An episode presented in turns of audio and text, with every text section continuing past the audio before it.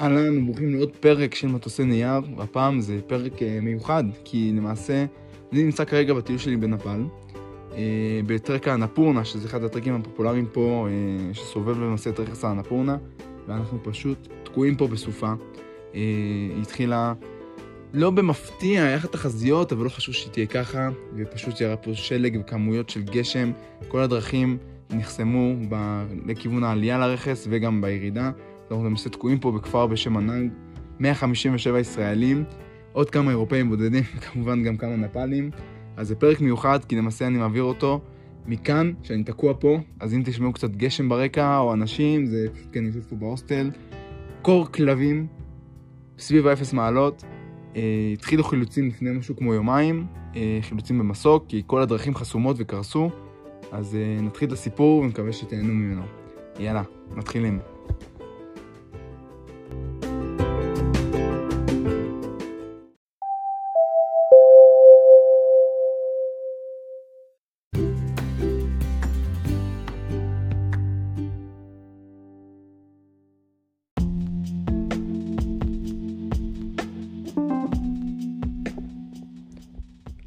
אז נתחיל מקצת רקע קצר על הטרק האנפורנה, זה אחד הטרקים הפופולריים בנפאל, מהסיבה שהוא גם מאוד מאוד נוח. יש לך פה עלייה בגובה שיחסית הדרגתית, שזה חשוב מאוד כי יש את העניין של מחלת גבהים. יש לך לאורך כל הטרק גסטהאוסים שאתה יכול לישון בהם, לאכול בהם, להתקלח בהם, אז זה מאוד מאוד מסודר. המסלולי הליכה יחסית ברורים ונוחים, והנופים מטורפים, כי אתה בעצם עובר מאזורים שהם אה, טרסות אורז לאזורים שהם יותר ג'ונגלים ויערות, עולה לאט לאט בגובה, מגיע לאזורים אלפינים, ואחר כך מגיע לפסגות המושלגות, ויורד אחר כך לאזור שהוא מדבר, מדבר פשוט בצל הר, שזה בגלל שהערים הגבוהים חוסמים את העננים, הם יוצרים מצב שיש מדבר בקצה השני של ההר, ובגלל זה הטרק הזה כל כך מיוחד, כי אתה בפרק זמן לא קצר, זה בסביבות ה-14 יום של טרק, אתה מצליח לחוות הרבה מאוד נופים והרבה מאוד דברים, ובגלל זה יש המון ישראלים שבחרו לעשות אותו. אז אם ניתן קצת נתונים יבשים, יש לנו בשמורת האנפורנה משהו כמו 1,200 זנים שונים של צמחים, 105 זנים של אה, יונקים, 488 סוגים שונים של ציפורים. אה, השמורה עצמה היא חלק מרכס ההימאליה, ונקראת ככה בגלל שיש בה את הרי האנפורנה. אה, יש, לה, יש שם ארבע פסגות עיקריות, ארבע פסגות הכי גבוהות, שהן בסביבות ה... 7,900, 7,800, 7,500, שהגבוהה ביותר היא הנפורנה 1, הן למעשה ממוספרות, הנפור 1, 2, 3 ו-4 לפי הסדר של הגובה. הפסגה הגבוהה ביותר, הנפורנה 1, היא עשירית בגובהה בעולם, בגובה של 8,091 מטר, ויש פה גם את האגם הגבוה בעולם, אגם הטיליצ'ו, בגובה של 4,919 מטר. שזה אחד מהיעדים המרכזיים שאנשים אה, שואפים להגיע אליהם. זה קצת רקע קצר, ויאללה נתחיל בסיפור.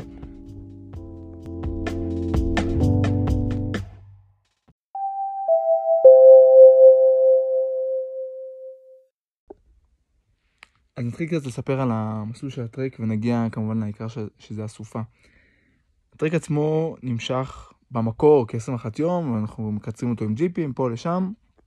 מגיעים אה, עם ג'יפ ישר מקטמנדו לעיר שקוראים לה, לכפר למעשה שקוראים לו סיננג'י, ישנים שם לילה הראשון, ומחר מתחילים ללכת. הצטרפתי לקבוצה של ישראלים, שתי בנות, אה, ולפורטר שלהם, וככה עשינו את המסלול. אה, כאשר כבר מראש כבר שמענו מאנשים שהעיקר הבעיה במסלול זה העלוקות. שיש כמה ימים ראשונים, משהו כמו יומיים ראשונים, שבגלל הגשמים שהתאחרו, יש הרבה עלוקות במסלול. מי שלא מכיר עלוקה, זה כמו חשופית, רק שהיא נצמאת אליך ומוצאת לך את הדם. קיצר, גועל נפש. זה לא מסוכן, זה פשוט גועל נפש. אה, אז התחלנו את היום שלנו בשינה שם בהגעה בג'יפ, אחרי זה יום למחרת אה, יצאנו לדרך, אה, ישנו בהוסטלים לאורך כל הדרך, שהרמה בסופו של דבר סבירה לחלוטין. יש מקומות בול פגיעה ויש מקומות שאתה צריך לחרבן בשטח ויש מקומות שסבבה לגמרי. רוב המקומות שירותים מערביים, רוב המקומות המיטות והחדרים נקיים, המצעים נקיים. אתה אוכל מעולה, כי אתה ישן בהוסטל שגם מבשל את האוכל ואתה אוכל שם אוכל טרי. יש את המנה הלאומית של, של נפאל שקוראים לה דלבת, שזה בעצם צלחת כזאת עם דל, שזה נזיד עדשים, אורז, אה, עוד איזה תפשיל של ירקות בקארי, לפעמים גם עוף או כל בשר אחר, למעשה שהוא לא פרה, כי הם לא אוכלים פרות פה. שהיתרון במנה הזאת היא גם שהיא ריפיל, אז ככה שאתה מתפוצץ, אם אתה לוקח אותו אתה פשוט מתפוצץ, והאוכל פה באמת סבבה, סבבה לאורך כל המסלול. אז הלכנו מסינן של לטל, היה חם מאוד, היו עלוקות בדרך שעלו לאנשים אחרים, אנחנו קצת יצאנו מאוחר יותר מאחרים, אז לדעתי הם פשוט נדבקו לכל האחרים. משם המשכנו לדנקיו, אה, והגענו אה, לצ'אמה. אה, זה כבר היום השלישי או הרביעי לטרק אם אתם סופרים את היום של הג'יפים. אנחנו כבר נמצאים בגובה של 2,700 מטר. עשינו שם ארוחת שישי, עשינו קידוש. השתמשנו ביין, ביין נפאלי, שהוא קצת נראה כמו מים. טעם של, פשוט של, לא יודע איך להסביר את זה, כמו מתנול אפילו כזה. טעם די דוחה, שזה פשוט יין מבוסס על תפוחי עץ. ואז למחרת אנחנו כבר ממשיכים ומגיעים לאפר פיסנג, שזה כבר ההתחלה של להרגיש את הגובה, אנחנו מגיעים כבר לגובה של 3,300 מטר. המזג אוויר בהתחלה של הטריק היה, היה די חם, כאילו האזנו והיה כבר ימים שקצת השתזפנו, כי ככל שאתה עולה בגובה גם הקרינה של השמש יותר חזקה כי היא פחות עוברת באטמוספירה. ואנחנו מגיעים כבר לאפר פיסנג, 3,300 מטר, מתחיל כבר גשם, ומרגישים כבר את, ה, את הגובה, אתה קצת מרגיש שיותר קשה לך לנשום, שכל נשימה שלך פחות אוויר נכנס לך לריאות. אה, כי מי שלא יודע, פשוט בגובה הלחץ של האוויר יותר נמוך. זאת אומרת שהאחוז החלקי של החמצן באוויר יותר נמוך. ככה שבכל נש... אה, נשימה שלך, אתה למעשה מכניס הרבה פחות חמצן מאשר בדרך כלל. ואז מאפר פיסנג אנחנו עושים איזשהו מסלול גם קשה, רואים את הנוף כבר, מתחילים לראות את האנפורנות, בדרך נוף מטורף, באמת נוף מטורף. כמו שאמרתי בהתחלה, אנחנו עוברים בין נוף מגוון מאוד ומשתנה. אנחנו בשלב הזה מתחילים להיות קצת בנוף יותר אלפיני, זאת אומרת שהעצים הם פחות סבוכים, יש יותר עצי אה, מחטים למיניהם, ואנחנו כבר רואים את הנפורנות ואת הפסגות המושלגות, שזה כבר, אתה כבר מרגיש את החוויה, אתה מרגיש, את ה, אתה מרגיש שאתה פשוט הולך בהימאליה ואתה אשכרה רואה את הפסגות הרים הכי גבוהים שנמצאים בעולם. וזה מטורף. כי אתה יודע שהפרופורציות של מה שאתה רואה עכשיו, אין שני לזה. כאילו הערים האחרים היותר גבוהים מזה, הגבוהים האחרים בעולם, בסביבות ה-6,000, 5,000, נגיד באירופה המון דלנו 4,800, החרמון 2,200, שכבר עברנו אותו מזמן בעלייה בגובה, אז אתה כבר מבין שהפרופורציות של מה שאתה מכיר, אין, זה לא נתפס. למשל הנפורנה 1 או הנפורנה 2, שזה הפסגות הגבוהות ביותר של הנפורנה, כל כך גבוהות שמעל העננים, רק בימים של ראות טובה אתה באמת מצליח לראות אותם, ואתה פשוט לא נתפס, כל פעם מתגלה לך עוד חלק ועוד חלק ועוד קצה. אתה לא מבין את הגובה המטורף של זה. ואז אנחנו מגיעים למננג, וכאן למעשה מתחיל הסיפור המרכזי של הפרק. מננג היא העיר המרכזית במחוז, בטרק הזה. היא נחשבת עיר גדולה, כאילו גדולה זה מובן של אולי מושב אה, אצלנו בארץ, יש פה לדעתי אולי 300 תושבים, באמת מקום די קטן, מורכב מאיזה רחוב אחד ארוך שיש בו, רוב הבתים זה פשוט הוסטלים, ושתושבים גרים גם בתוך ההוסטל. אבל מה שטוב בה שהיא יותר מפותחת. יש פה איזה מלון שעשה את עצמו אה, בית קולנוע, אז יש לך כזה כמו בית קולנוע של הקרנות פיראטיות, של כאילו כמו ילד בן 12 שצרב לך סרטים ומקרין אותם, יש כזה דבר, שזה דווקא נחמד, כי במשהו כמו 8 שקל אתה רואה סרט ואוכל פופקורן ושותה תה. יש פה כבר מאפיות, שלוש מאפיות מעולות. אה, ויש פה גם בית חולים ומרכז מידע. בית חולים כאילו זה כוונה למרפאה עם רופא, ככה שזה מקום טוב לעשות בו עצירה, הוא בגובה 3,500 מטר, אז עושים פה עצירה של יומיים ומתרגלים לגובה, כדי שהגוף שלך יתחיל לייצר קצת יותר אה, כדוריות דם אדומות, וקצת עושה את ההתאמות הפיזיולוגית שאתה צריך. אז נשארים פה בדרך כלל יומיים, כי גם יש פה הרבה מה לעשות. יש פה טיולי יום, אז למשל אה, עשינו איזשהו טיול יום לתצפית אה, מדהימה על, ה, על כל הפסגות המושלגות פה. אתה עולה, אתה רואה את ה, כל הדגלים הבודהיסטיים אה, שיש פה תמיד הצבעונים שהם כל כך מייחדים את נפאל ויותר נכון את אה, טיבט. ויום אחר אה, אפשר לעשות גם טיול אה, לעלות ל Ice Lakes. ככה שיש הרבה מאוד אה, טיולי יום לעשות פה. וגם עיר נחמדה. סך הכל, הרבה ישראלים מתרכזים פה, אנחנו מגיעים כבר ביום שהוא לפני, יומיים לפני יום כיפור, אנחנו עושים יום מנוחה, אחרי זה כבר uh, מגיע כיפור. אבל מה שקרה למעשה שאנחנו הגענו, אנחנו הגענו אחרי יום ארוך של הליכה, של עלייה, של 24 קילומטר. היינו גמורים, השעה כבר הייתה 4. איך שאנחנו נכנסים לכפר, קבוצה של ישראלים מתנפלת עלינו, סופה, סופה, סופה, יש סופה, מגיעה סופה, חייבים לזוז, חייבים ללכת עכשיו, חייבים לעזוב את האוכל, חייבים ללכת, סופה וזה, אנחנו עוד לא מצאנו אפילו מקום לנוח בו, לא מצאנו מקום לישון בו, לא מצאנו מקום לאכול בו, קופצים לנו עשרות אנשים, ומנגד יש את הישראלים שבאים ואומרים, יאללה, רוצים לראות סרט, בוא נראה סרט, בוא נראה סרט. קיצר, היינו פשוט בהלם, בכלל לא ידענו שאמורה להיות סופה, איזה סופה, אנחנו הלכנו ברגל ונשרפנו יום לפני כן, הגענו באותו יום והיה שמשי ובהיר לחלוטין. איזה סופה, באמת איזה סופה. אז הצלחנו קצת להתאפס על עצמנו, מצאנו מקום לישון, התחלנו לברר את העניין, והבנו שיש תחזית שאומרת שצפויה להגיע איזושהי סופה, ו... ולא יודעים כל כך מה העוצמה שלה, לא יודעים עדיין מה, מה היא תביא, אבל יכולה להימשך כמה ימים. אז התייעצנו פה עם כמובן עם כל הישראלים, כי כולם יש להם את הדעות שלהם וכולם אה, יודעים הרבה.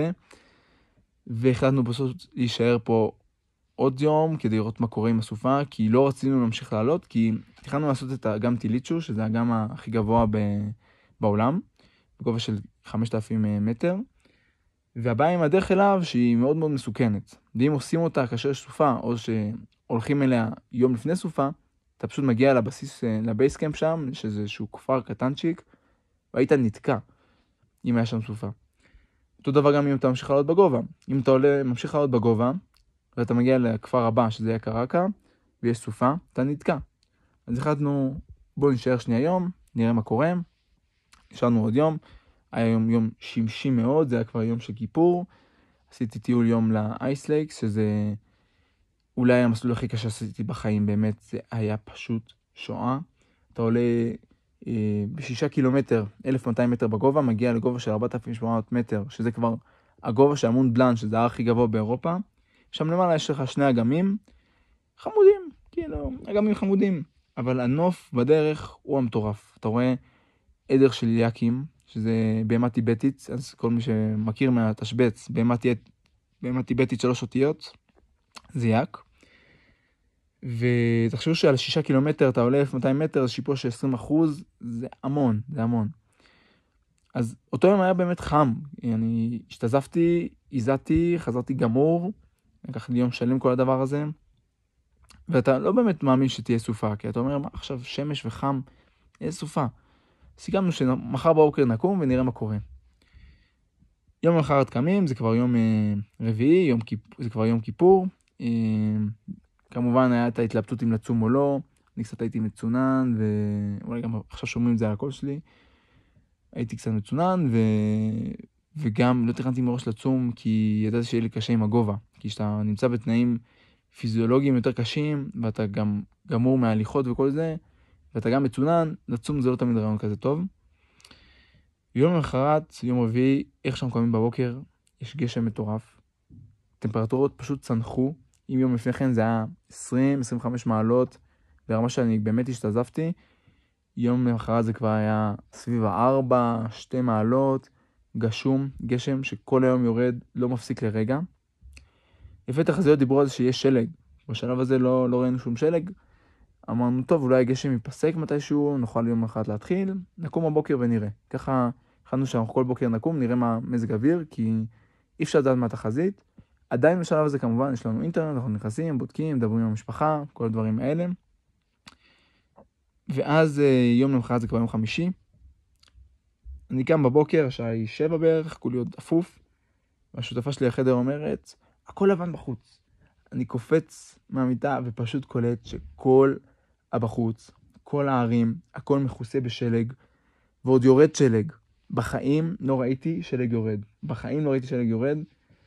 וזה פשוט מראה מדהים. אתה, אתה ראית את הנוף לפני כן, שהוא היה ירוק, עם עצים ועם uh, דשא והכל, ואז אתה קם יום אחד והכל מושלג.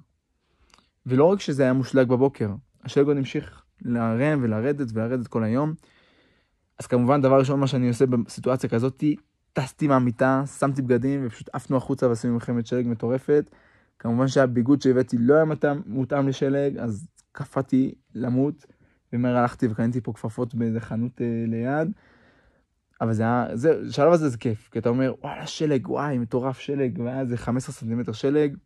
בהמשך היום זה עוד ירד ועוד ירד ועוד ירד, לדעתי זה הגיע בסופו של דבר לאיזה 20-25 סנטימטר של שלג, שזה בארץ כמות מכובדת. אז ביום הזה זה כיף, כי אתה אומר שלג, וזה, עשינו גם, בנינו אי שלג, וגם עוד פעם כמעט איבדתי את האצבעות בידיים וברגליים מרוב אה, קור, כי פשוט השלג נמס ומרטיב לך את הנעליים ואתה כופה למוות. אה, היתרון פה באמת, אבל שאתה ישן בהוסטל, אז אתה במקום שהוא סגור, ויש פה אה, אפשרות לחימום, אתה כאילו מחמם את החדר אוכל, אתה יושב שם, כולם סביב האח, מייבש את הבגדים שלך, יש אוכל טוב, המצב לא נורא, יש חשמל, אה, ואז יום אחד אנחנו קמים, ויותר בהיר, יש קצת טפטוף של גשם, כבר אה, לא יורד שלג, אבל עדיין קר למות. בשלב הזה אנחנו כבר מתחילים לראות ש... שהדרכים נחסמו. זאת אומרת שהדרכים למעלה, אין אפשרות לעלות אליהם, אין אפשרות להמשיך את הטיול בפס. גם אין אפשרות אחר כך לעשות את החזור מלמעלה, כי ברגע שאתה עובר את הרכס אין אפשרות כי גם שם הדרכים נחסמו. בדרך למטה היה מפולות שלגים, מפולות צלעים, מפולות בוץ. הדרכים נהרסו לפחות בחמישה מוקדים, כך שלרדת בג'יפ זה מסוכן, לרדת ברגל זה גם מסוכן, כי הכל מחליק, הכל בוץ, ואנחנו פשוט מבינים שאנחנו תקועים בסיטואציה הזאתי, כי אין לך שום דרך להיחלץ מפה. היו אנשים שחשבו לקחת ג'יפ, והתחילו לרדת ברגל, אה, ובשלב הזה כבר אנחנו לא, לא יודעים מה להחליט. כי אם אנחנו מתחילים לרדת עכשיו ברגל, יש פה איזשהו סיכון אה, באמת ממשי, כי אתה יכול להחליק ואתה יכול ליפול, אתה יכול לשבור רגל, ובאזורים למטה אין לך אפשרות לחילוץ על ידי מסוק או דברים כאלה, כי אין שם שום עיר מרכזית. לעומת זאת פה במנהג, שהיא עיר אה, מרכזית, ויש פה מרכז מידע, ויש פה מרפאה והכל, זה מקום יותר אידיאלי להיתקע בו, בוא נגיד זה ככה. אז אנחנו מחליטים עדיין להישאר פה, יותר נכון להיתקע פה. וכמובן, כמו ישראלים טובים, אם יש סיטואציה שהיא קצת אה, מעצבנת או בעייתית, יאללה, מארגנים מסיבה. אה, ארגנו מסיבה, כל הישראלים, עם איזה כמה בוקסות, כמובן שזה היה מאוד מסכן, ועם מוזיקה של בת מצווה, אבל וואלה, זה היה נחמד מאוד. קצת אה, להפיק את השגרה. שתינו פה רום נפאלי שהוא היה מעולה, באמת רום מעולה, וקצת בירות וזה, וכמובן בגובה אלכוהול משפיע בצורה הרבה יותר טובה, אז בוא נגיד ככה שקצת דפקנו את הראש, והיה פשוט הזדמנות להשתחרר וקצת אה, ליהנות ולפרוק. בשלב הזה עדיין יש לנו תקשורת סלולרית, אפשר לדבר עם ההורים, אפשר לשלוח הודעות וואטסאפ, כי יש אה, וי-פיי בהוסטלים. ואז בדיוק פרסמו כתבות בוויינט ובמאקו על זה שיש 100 ישראלים תקועים בנפאל בעקבות הסופה. וברגע שיש כתבה כזאתי, בנוסף לעוד כתבה אחרת שפרסמו שיש הרוגים בהימאליה ההודית, שרוב האנשים לא מבינים שזה פשוט מדינה אחרת, אנשים מתחילים להיות לחוצים. כאילו ההורים מתחילים להיות לחוצים. טפו טפו טפו ההורים שלי אה, הבינו את הסיטואציה, אבל היה פה הרבה לחץ מצד הרבה מאוד הורים אחרים, הרבה מאוד לחץ מצד אנשים אחרים פה שאיתנו, שפשוט רצו לעוף מפה. אבל אין איך, אין לך איך. אתה לא יכול לרדת עכשיו ברגל כי זה מסוכן, אתה לא יכול לקחת ג'יפ כי זה עוד יותר מסוכן, ויש ראות לקויה, בגלל שיש פה איזה ערפל ועם אה, ענן של גשם, אי אפשר להביא פה מסוקים, וזה יוצר מצב מאוד מאוד מתסכל. אנשים התחילו לפנות לסוכניות ביטוח, והתחילו להפעיל את ההורים, והתחילו לעשות כל מיני דברים כאלה, ובשלב הזה, בשיא של הלחץ, אין יותר אינטרנט. אין יותר אינטרנט בשום הוסטל בכפר, כי מי ש... מה שמביא פה את האינטרנט זה בעצם אנטנה שנמצאת בגובה של 5,000 מטר, שהיא בשיא החוכמה של הנפלים היא סולארית, אז אם יש שלג או אין, יש עננים, אז אין למעשה אה, תשדורת, אז לא הגיע לפה אינטרנט. אותו דבר גם תקשורת סלולרית לא הגיע לפה, אין פה קליטה. אנחנו מנותקים. אז למי שהיה מכשירים לווייניים היה אפשר קצת לנסות ליצור קשר, גם לא תמיד זה עבד. אבל אנחנו בשלב הזה מנותקים, אה, ואז מתחיל קצת לחץ, כי גם עם כל הכתובות בארץ שמתארות את הסיטואציה בצורה מאוד מאוד מלחיצה, זה קצת אה, מראה שגוי למה שקורה פה. מי שלא קרא, אז בכתבות היה רשום שיש מחסור בנייר טואלט, וישראלים אוגרים נייר, ושיש חשש לאוכל, ושסילקו אנשים מהמלונות, ונאלצו ללכת 15 קילומטר ברגל, ושיש פה משפחות עם ילדים. אז נעשה שנייה סדר בדברים. כן, יש פה משפחות עם ילדים, ויש פה הרבה מאוד צעירים, יש פה גם הרבה מאוד מבוגרים. אבל המצב פה לא רע. יש פה מרפאה, יש פה חשמל, אנחנו אוכלים במאפיות שלוש פעמים ביום בערך, עוברים בין מאפייה למאפייה. יש פה מאפייה שקוראים לה טיליצ'ו, שיש לה את העוגת שמריץ שוקולד הכי טעימה שאכלתי בחיים בערך. אני באמת מפוצץ פה, ישן פה טוב, יש פה חימום עם uh, עצים בכל מקום כמעט. אז אוקיי, יש שלג, קר בחוץ, הטמפרטורה היא סביב שתי מעלות. אין לנו איך לצאת מפה, אין תקשורת סלולרית, אבל המצב לא כזה רע. מה שכן היה בעיה, היה מצב שהרבה אנשים הזמינו, נגיד במיוחד אירופאים, הזמינו דרך Booking אה, בכל מיני הוסטלים פה במקום, ואז הם היו צריכים להגיע לפה, ובעלי ההוסטלים פשוט גירשו את הישראלים שישנו בחדרים בשביל אותם אנשים שהזמינו בדרך Booking. אז לא רק שהיה פה מצב שהרבה אנשים נתקעו פה, עוד המשיכו אנשים להגיע לפה ממקומות אחרים למטה, שזה גם טמטום בפני עצמו. אז היה קצת לחץ, כי אנשים היו צריכים לחפש עכשיו אה, מקום חדש לישון בו, וחלק מהאנשים האלה זה היה גם משפחה שנאלצה להיעקר מפה אה, ולחפש מקום אחר, אז הם החליטו לרדת למטה, לכפר אה, למטה, שזה משהו כמו 4-5 שעות הליכה. אז המצב כן היה טוב, אבל היה כמה נקודות שהן באמת היו בעייתיות, כמו שהיה צריך לחפש הוסטלים או דברים כאלה. לא יודע איך הם בנו פה את המבנים, חלק מהחדרים פה היה נזילות של מים ושל uh, שלג, וזה מוזר, כי זה מקום שכן יורד בו כל שנה שלג. יש פה חורף, אנחנו בגובה 3,500 מטר, בהימאליה, יש פה שלג. אז היה נזילות, אז גם חלק מהחדרים כבר לא היו רלוונטיים. אז היה קצת לחץ, קצת בלאגן, עד שהדברים הסתדרו וכל אחד מצא את המקום שלו. ואז נוצר פה איזשהו קליקה בין ישראלים, אנשים תמכו אחד בשני. היה פה אנשים שהם היו טייסים, אז הם ניהלו פה את כל מה שקשור למבצע חילוץ עם ההליקופטרים. היה פה רופאים שדאגו לאנשים שהיו חולים ולא הרגישו טוב. היה פה מישהו שהוא מתנדב במאגנוס שגם uh, תמך וסייע uh, בחילוץ. היה פה הכל מהכל, באמת. ובאותו מידה גם היה פה אנשים אחרים שהם סתם היו פה בשביל לתמוך נפשית באנשים. יכול להגיד ש... Uh, אתם תשמעו עוד פרק של בן גם, בן וגל שהיו איתנו פה. תמכו בנו נפשית מעולה, הם אה, זוג אה, בני 27-30, חמודים מדהימים והם תמכו בנו מאוד. אה, אז הסיטואציה היא מלחיצה, סיטואציה שהיא לא אידיאלית.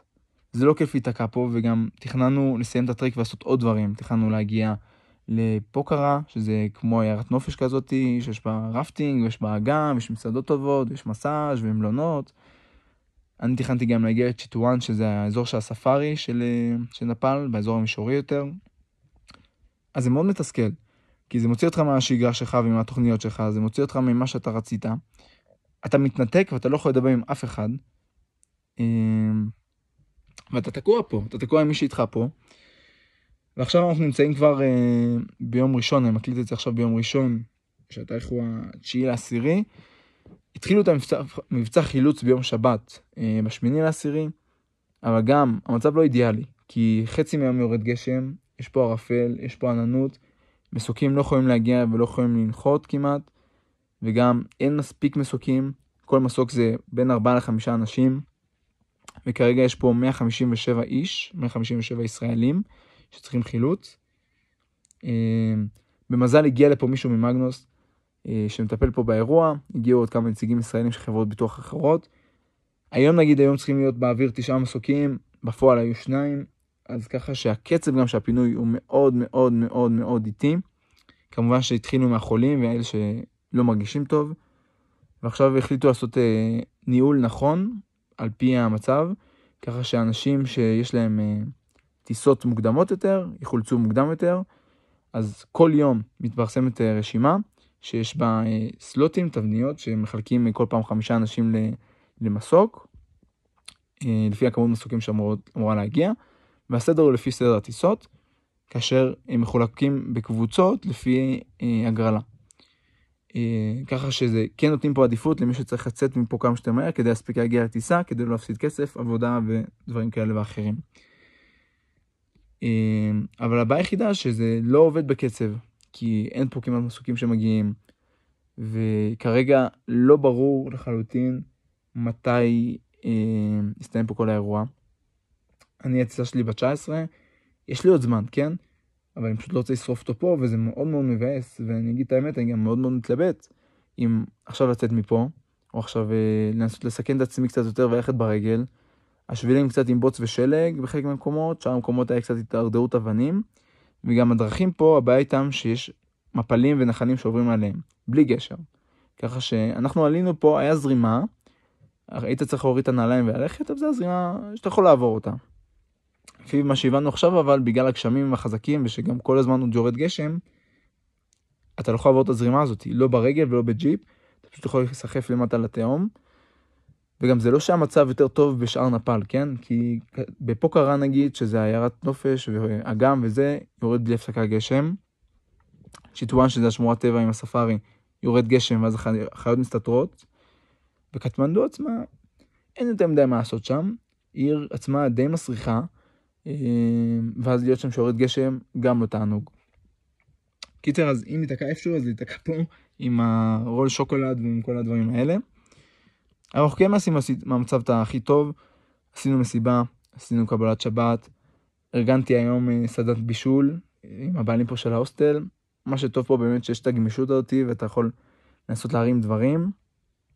אז דיברתי עם הבעלים של ההוסטל שעשו לנו סדנה, למדנו להכין אה, כיסונים אה, נפאלים שקוראים להם מומו, ולמדנו להכין סמוסה שזה איזשהו כמו בצק מטוגן ממולא בתפוחי אדמה. אני עכשיו מפוצץ למות, באמת, זה היה מעולה.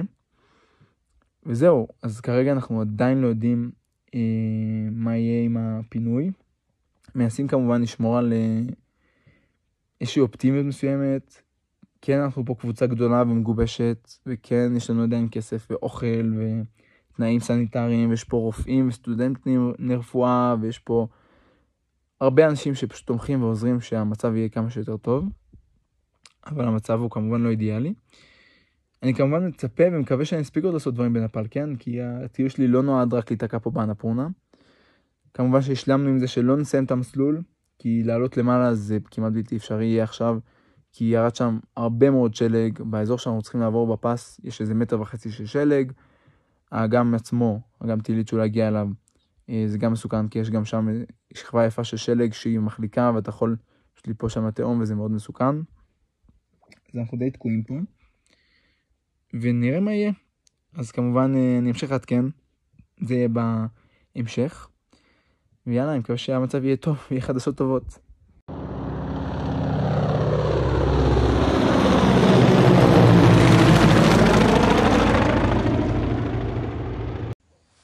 אז זהו, כמו שאתם שומעים, אה, הגיעו הליקופטרים, והייתה שרשת אווירית שחילצה אותנו ממנהג.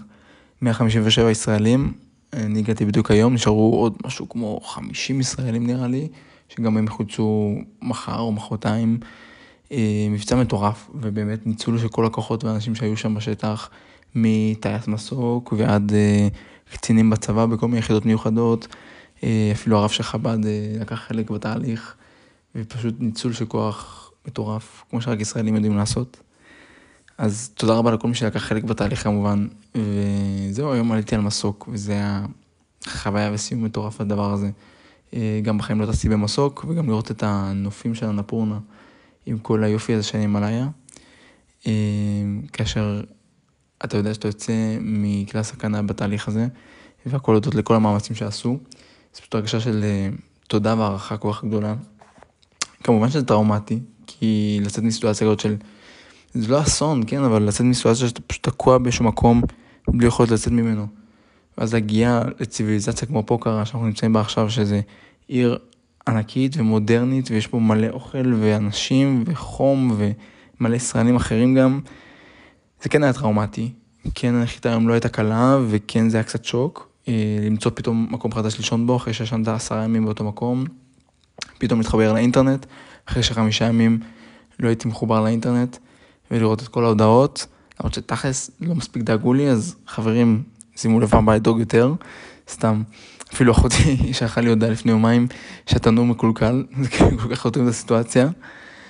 אמ, אבל בסופו של דבר זה חוויה מטורפת. ייקח לי כמובן כמה ימים לעכל את זה, ואני חושב שזה משהו שכל החיים אני אעכל אותו. אה, זה לא שהיינו באיזה אסון מסכן חיים, אבל כן היינו תקועים וכן חווינו חילוץ. יש כתבות על זה בוויינט ובמעריב ובמאקו, ו... זה משהו שבחיים לא הייתי בו, בסיטואציה כזאת שכותבים עליה בעיתון ומשדרים אותה בטלוויזיה, וזה כן משהו מיוחד. זה מרגיש שהטיול שלי אמנם באנפורנה לא זכה להיות כמו טיול רגיל, של להגיע לפס ולראות את השלג שם למעלה, ולראות את אגם טיליצ'ו ואת כל הדברים המפורסמים האלה, אבל ראיתי משהו הרבה יותר עוצמתי מזה. ראיתי את האחדות והחיבור של אה, קבוצת ישראלים שהיו ביחד. והעבירו ביחד את כיפור, והעבירו ביחד את אה, סוכות, והכרתי אנשים מדהימים ממלא שכבות של אוכלוסייה ומלא סוגים, והיה לי שיחות על מה לא באמת. היה לי שיחות על ממשל, ושיחות על אוכל, ושיחות על, אה, על פוליטיקה וזוגיות, וצמחונות וטבעונות, וסמים, והכל באמת. הספקתי להכיר כל כך הרבה אנשים שאני אפילו לא יודע בכלל להתחיל להגיד כמה הם אה, מדהימים ומיוחדים. וזה משהו שיכול לקרות רק בסיטואציה כזאת, כי החוזק של עם מתבטא באסונות ובמצבים קשים. אנחנו, טפו טפו טפו, בתור עם ישראל יודעים להתמודד מעולה עם מלא מצבים כאלה, וזה קרה לנו המון לאורך ההיסטוריה. ובסיטואציה כזאת, שהיה פתאום קושי, קמו לרגליים מלא אנשים טובים, שפשוט הרימו והפיקו פה מבצע חילוץ מטורף. האירופאים פשוט עמדו בשוק, כי הם לא מבינים איך אנחנו ככה מצליחים לחלץ עצמנו, ואיך פתאום יש כל כך הרבה מסוקים שדואגים לנו ומביאים אותנו. שהם תקועים וממשיכים ללכת בעצמם ברגל, בשלג. אפילו היו ארבעה הרוגים אתמול, אה, שלושה בפס ועוד אחד אמריקאי שירד למטה, אה, אז כך שזה רק מדגיש כמה דרכים מסוכנות, והכמויות של האנשים שהלכו שם היו מאוד קטנות ועדיין היה כזאת כמות של הרוגים, שזה המון מבחינה סטטיסטית. אה, זה רק מחזק בעצם את החשיבות של המבצע הזה שהיה. וזהו, עכשיו אני מקווה להמשיך את הטיול שלי, מקווה להמשיך לעשות דברים אחרים וחדשים. כמובן שהסיטואציה עדיין תישאר חקוקה בי, ואני בטוח שתישאר חקוקה בעוד הרבה אנשים אחרים, כי זה לא משהו שאתה חווה כל יום. ולא שיש לי איזה מוסר השכל מזה, כן, כי אני חושב שפעלנו נכון לאורך כל הסיטואציה, ואני חושב שאנשים לא לקחו סיכונים מיותרים, וכן לומדים מטעויות. אז נכון שהיה את האסון ב-2014, ואני חושב שיישמנו הרבה מאוד דברים מזה, והפעם אנשים לא יצאו בשלג, ולא יצאו כשהיה חשש לשלג, העדפנו להישאר במקום בטוח, ולהיות על הסף סייד. פשוט תמכנו אחד בשני. והצמיחה יכולה להיות גם במבצע חילוץ, ויכולה להיות אפילו בשיחות סלון כאלה על אה, אח אה, חמה של אה, אש, תוך כדי אוכל איזה דלבת. פשוט לתמוך אחד בשני, ווואלה, היה סיטואציות קשות, באמת, היה מצבים קשים, ואני יכול להגיד שהיה רגעים שפשוט אמרתי, די, חלאס, אני לא חושב יותר על התחת, אני פשוט לא יכול, אני גם אדם היפראקטיבי, אני לא יכול לשבת כל כך הרבה על התחת. אז אתה מוצא את הרגעים האלה, אתה מוצא את האנשים הנכונים, אתה עושה אימון פה, שם, אתה הולך, עושה איזה טיול קטן, עושה מלחמת שלג, בוני שלג, רואה סרטים, היה שם קולנוע במנהנג, אז יכולנו לראות סרטים, ראיתי שלושה סרטים, זה אחר בנראה שראיתי מזה הרבה זמן. ו... ואתה מנצל את הסיטואציה, אתה מוציא ממנה את המיטב, זה הוציא את הלימונדה מהלימון, מה שנקרא. תודה לאנשים כן, אבל אני שמח שהיה לי פה את הזכות להיות בה, להיות מעורב בה. אה, אפילו יזמתי סדנת בישול. דיברתי עם בעל, עם בעל הגסטהאוס והסברתי לו את הסיטואציה, רציתי כאילו שילמדו אותנו להכין אה, מאכלים מקומיים, שזה מומו וסמוסה, שזה כמו מטוגן הודי כזה, מומו זה כמו כיסונים כאלה ממולאים, אנחנו עושים את הכל צמחוני. זה הסדנה, וואחד סדנה, שלוש שעות, הכנו כמות מטורפת, אכלתי כמו משוגע, אבל זה היה שווה את זה, היו איזה 16 ישראלים לדעתי, וזה, שוב, זה פשוט לדעת לנצל את הסיטואציה, ולדעת להוציא מהם את המיטב ולעשות את המקסימום בכל דבר.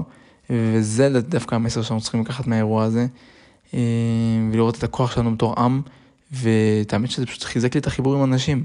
אני הכרתי אנשים באמת מיוחדים ומדהימים, ואני מקווה שהם כמובן ימשיכו בטיול שלהם בשלום, ושלא יודע, שלא נדע ציטויות כאלה, באמת. אז כולם בריאים ושלמים, כולם חוזרים למקום מבטחם. היו כמובן כמה כאלה עם צינונים או עם מחלות גבהים, אבל שום דבר לא מסכן חיים, ברוך השם, ו... וזהו, חוזרים לאט לאט לשגרה. ואני צריך להתמודד באמת עם הסיטואציה המורכבת הזאת של לצאת מאזור כזה ולחזור עכשיו לטייל ולהמשיך את התוכניות שלי, כי הם פשוט הוקפאו למשך עשרה ימים. אה, ושוב לחזור לאינטרנט ולחזור לטלפון ולענות לכולם, ואני מתנצל מראש שלא ענתי להרבה אנשים, כי לוקח זמן לעכל את זה, לוקח זמן עכשיו לעכל את זה שאתה בחוץ ואתה יכול לדבר עם ההורים ואתה יכול פתאום לדבר עם חברים. זה לא משהו שהשאר כאילו קפץ לי ו... וזהו, לאט לאט נחזור לשגרה שלנו ונעבור עוד אה, הרפתקאות חדשות ומקווה שיעברו בשלום בלי הפתעות.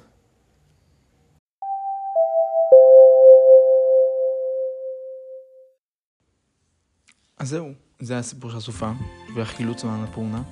אה, כמובן, אם יש לכם שאלות, תגובות, הערות, כל דבר מוזמנים לפנות ישירות. אה, אנחנו גם נמצאים באינסטגרם, בפפר פלנס פודקאסט. תדרגו אותנו, זה עוזר ממש עם האלגוריתם של ספוטיפיי. ויאללה, נראה אתכם בפרקים הבאים. ביי בינתיים. שמרו על עצמכם.